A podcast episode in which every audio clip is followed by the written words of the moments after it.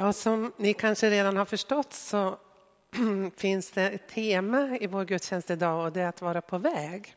Och det har varit ett tema för våra predikningar under hösten, på väg. Och idag så kommer det handla om detta att vara öppen för förändring och att förvandlas. Jesus kallar oss till att följa honom på efterföljelsens väg. Och I Nya testamentet så återkommer det här att som kristen är man ett folk på vandring. Man är ett pilgrimsfolk. Och att vara på väg handlar ju om också att vara öppen för förändring. Ibland kanske man tänker att kristna är de så här som, ja, som har fastnat i något gammalt och som är lite traditionella och ja, men jag skulle vilja säga att, att vara kristen är tvärtom.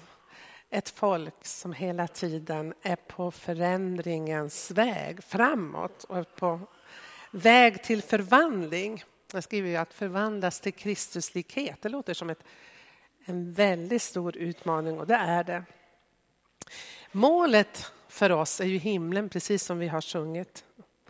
Och det påminner oss om att det här livet är inte allt. Det finns ett liv bortom det liv vi kan se och ta på nu eller lever i. Det finns ett, en gemenskap bortom döden tillsammans med Jesus och de som tror på honom. Men målet med det kristna livet är också att nu på vandringen, på vägen, att vi ständigt ska låta oss påverkas inifrån och mer och mer förvandlas till Kristuslikhet. Paulus han skriver att vi kristna ska vara som Kristusbrev i världen. Kristusbrev, vad kan det innebära? Jo, att vi ska vara människor som visar vägen till Jesus och visar hur han är. Och Peter han läste i början här om den överlägsna vägen, den som är mer överlägsen än alla andra, alltså kärlekens väg. Och sen så läste vi också om hur kärleken är beskaffad. En, en beskrivning egentligen av Jesu karaktär. Och nu kommer jag till dagens text och den, som jag ska predika över. Och den är hämtad från Johannes evangeliet. Och Jag tänkte att ni skulle få stå upp när ni ska få lyssna till den här texten. Ni ska få sitta ner en stund. Eh, och bakgrunden till de här orden är att Jesus säger det här till sina lärjungar under den sista måltiden när han är tillsammans med dem innan korsfästelsen. Jesus sa Jag är den sanna vinstocken och min fader är vinodlaren. Varje gren i mig som inte bär frukt skär han bort och varje gren som bär frukt ansar han så att den bär mer frukt. Ni är redan ansade genom ordet som jag har förkunnat för er. Bliv kvar i mig så blir jag kvar i er. Liksom grenen inte kan bära frukt av sig själv om den inte sitter kvar på vinstocken kan inte heller ni göra det om ni inte sitter kvar i mig. Jag är vinstocken och ni är grenarna. Om någon är kvar i mig och jag i honom bär han rik frukt. Utan mig kan ni ingenting göra. Och så fortsätter vi vers 9.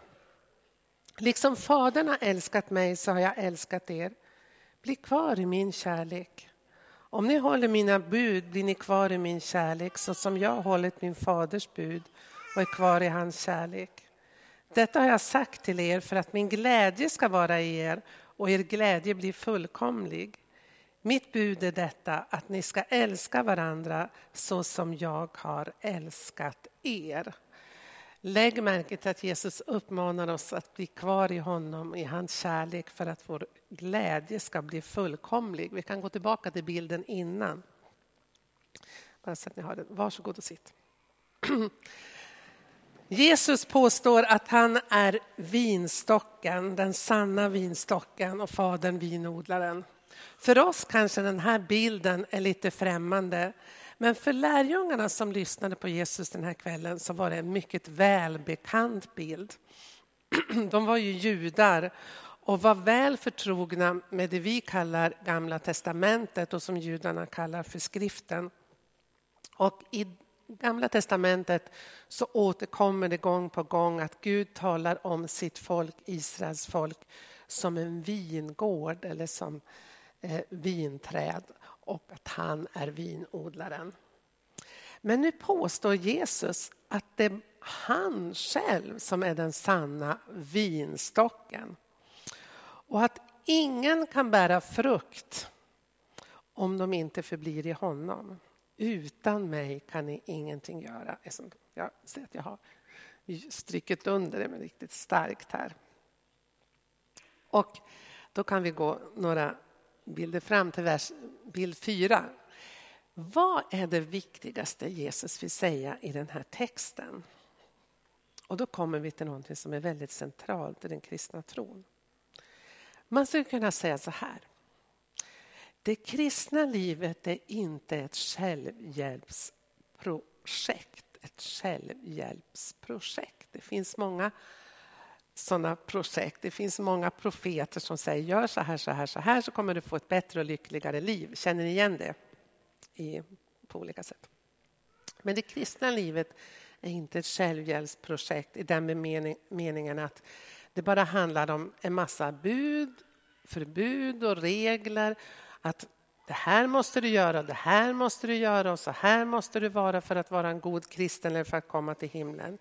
Det är inte så att Gud säger ryck upp dig och bli en bättre människa. Nej, vad är det Jesus säger?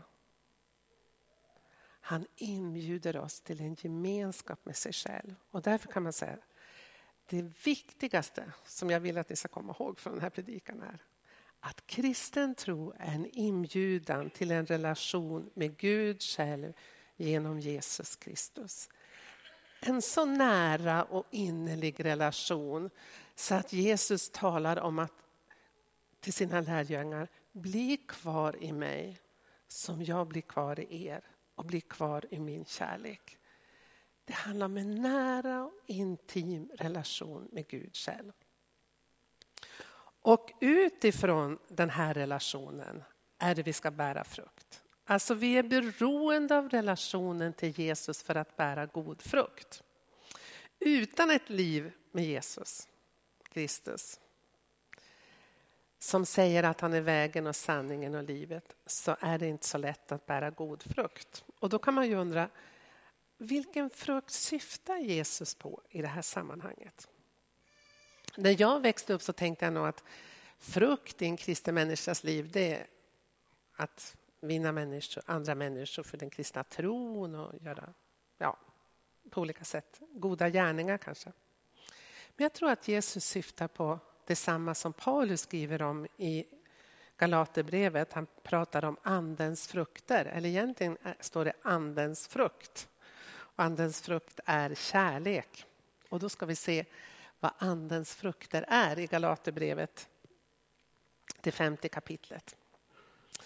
Andens frukter är kärlek, glädje, frid, tålamod, vänlighet, godhet, trofasthet, ödmjukhet och självbehärskning. Tänk vilken underbar värld vi skulle leva i om vi människor mer skulle kunna karaktäriseras av dessa goda frukter i våra liv. Alltså vi själva människor runt omkring oss. Men tyvärr ser vi allt för mycket andra frukter, våld och splittringar och konflikter och så vidare.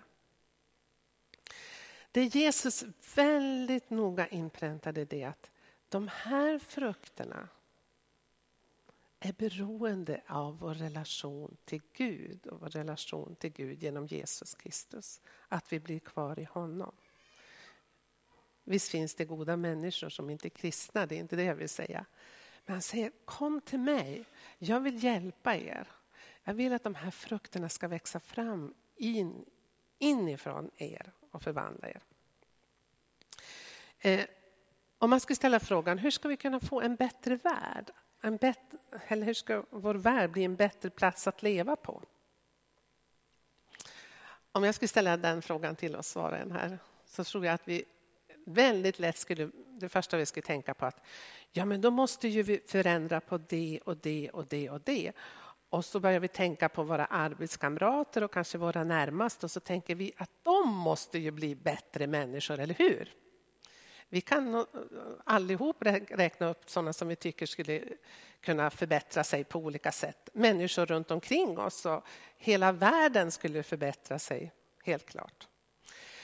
Men vem riktar Jesus den här texten till? Ja, han riktar texten till lärjungarna.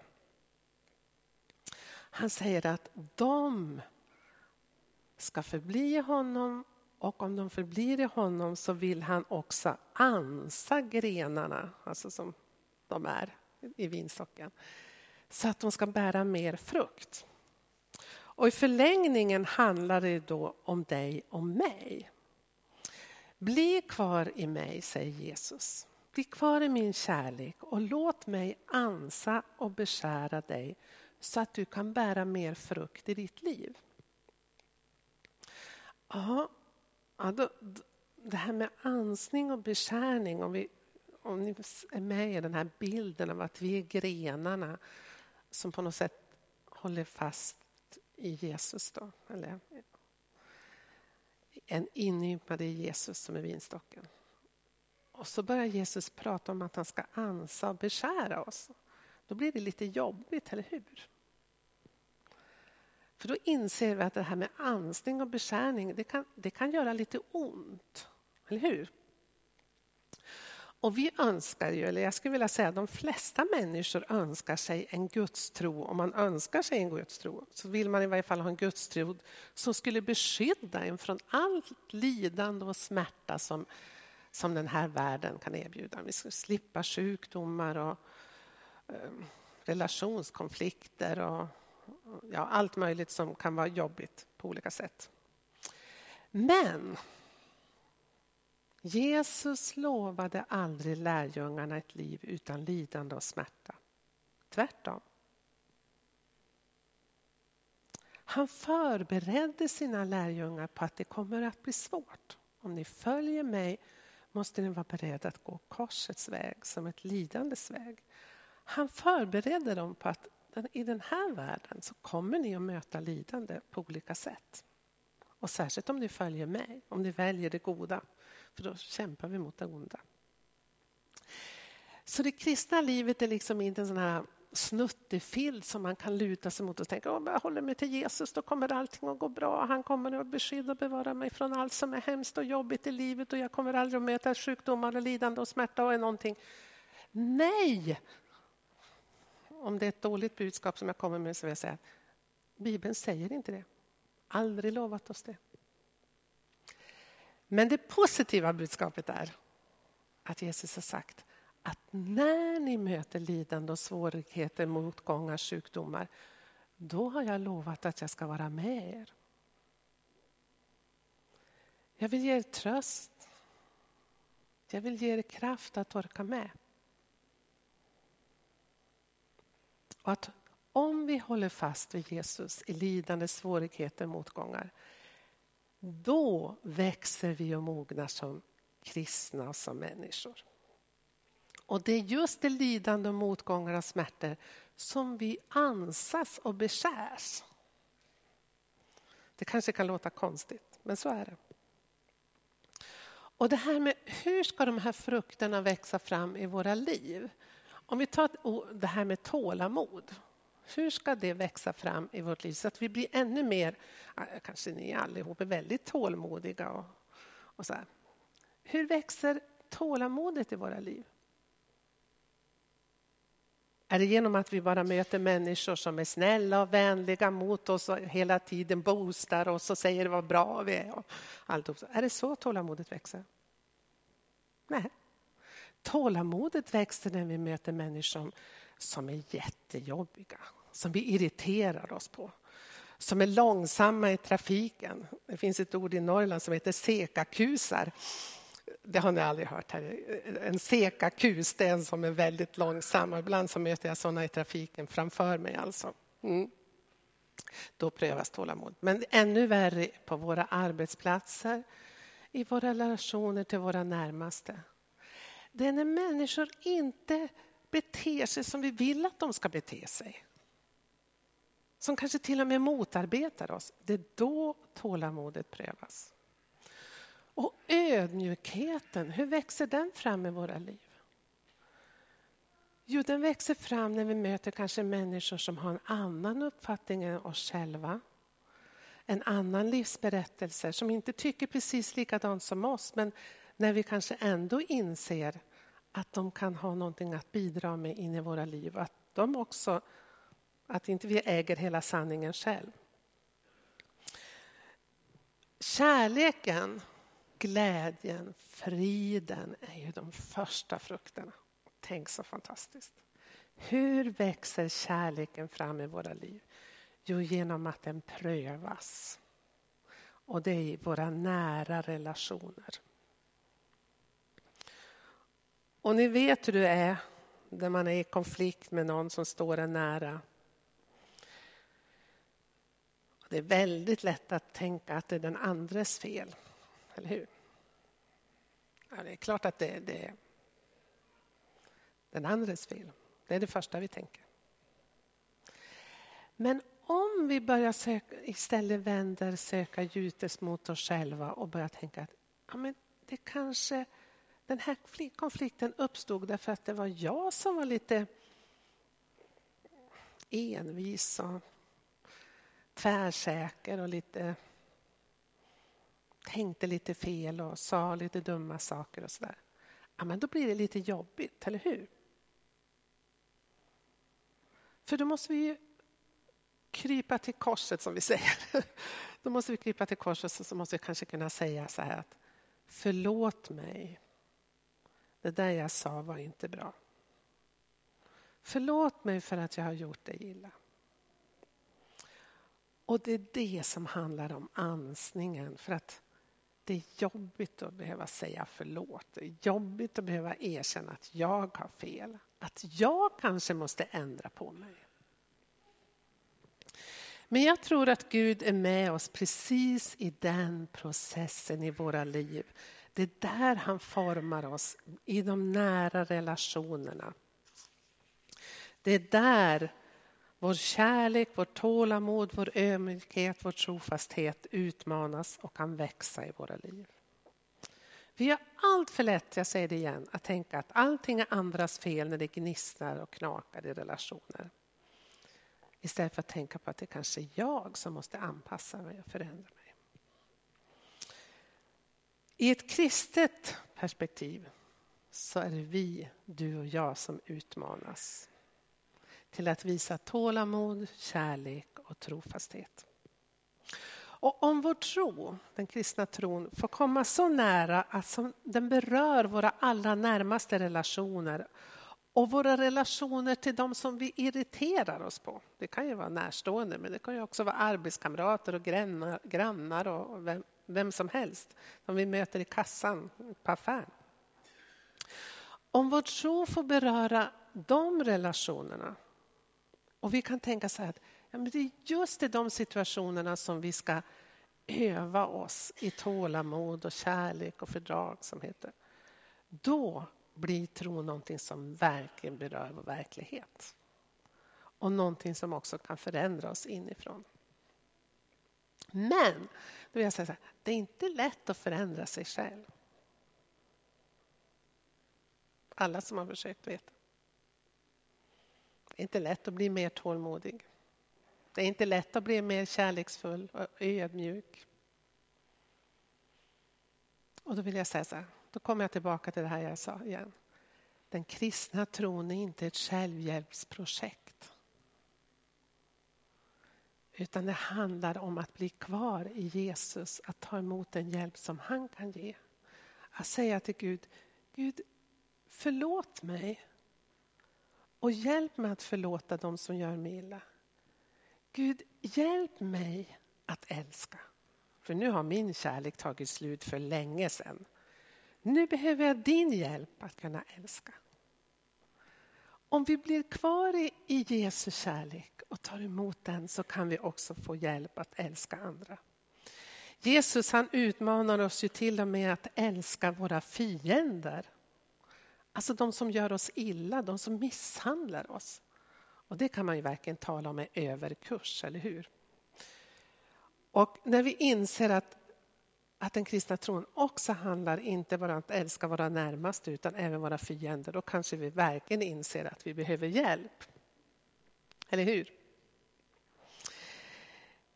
Jesus påstår att om vi förblir i honom så är det möjligt att bära god frukt. Utmaningen är att låta sig förändras inifrån med Jesu hjälp. Och det sker när vi väljer att med Jesu hjälp förlåta dem som gör oss illa. Det sker när vi väljer att med Jesu hjälp älska dem som är annorlunda än oss själva och öva oss i tålamod. Det sker varje gång vi väljer att tänka på andras bästa istället för att vara på vårt eget. Och det sker när vi låter andras livsberättelser beröra oss och påverka vårt tänkande. När vi tar Jesu ord på allvar att inte döma någon utan visa medkänsla och barmhärtighet. Och det här med att, att älska andra som sig själv, det är inte så enkelt. Vi behöver Jesu hjälp. Det här med att, att själv vara öppen för att förändras i sitt sinne, i sitt inre, i sina attityder, i sitt sätt att vara, att inse att den kanske kan göra fel ibland och be om förlåtelse. Det är ju ganska, det är lite jobbigt. Men det är också fantastiskt när vi får ta emot hjälp från Gud. Det är också jobbigt därför att vi lever ju i en värld där det sker väldigt stora förändringar. Och inte minst kanske nu vi tycker att det pågår stora förändringar. Den tekniska utvecklingen med IT-utvecklingen som påverkar inte bara vårt arbetsliv utan vårt vardagsliv och våra relationer. Klimathoten som hänger över oss. Moraliska värderingar som ändras i vårt samhälle. Rätt och fel. Vi ser en vilsen generation växa upp. Vi ser våld på våra gator även här i Norrköping. Och vi lever inte längre i ett homogent Sverige. När jag växte upp på 50-talet i en liten by i Lappland.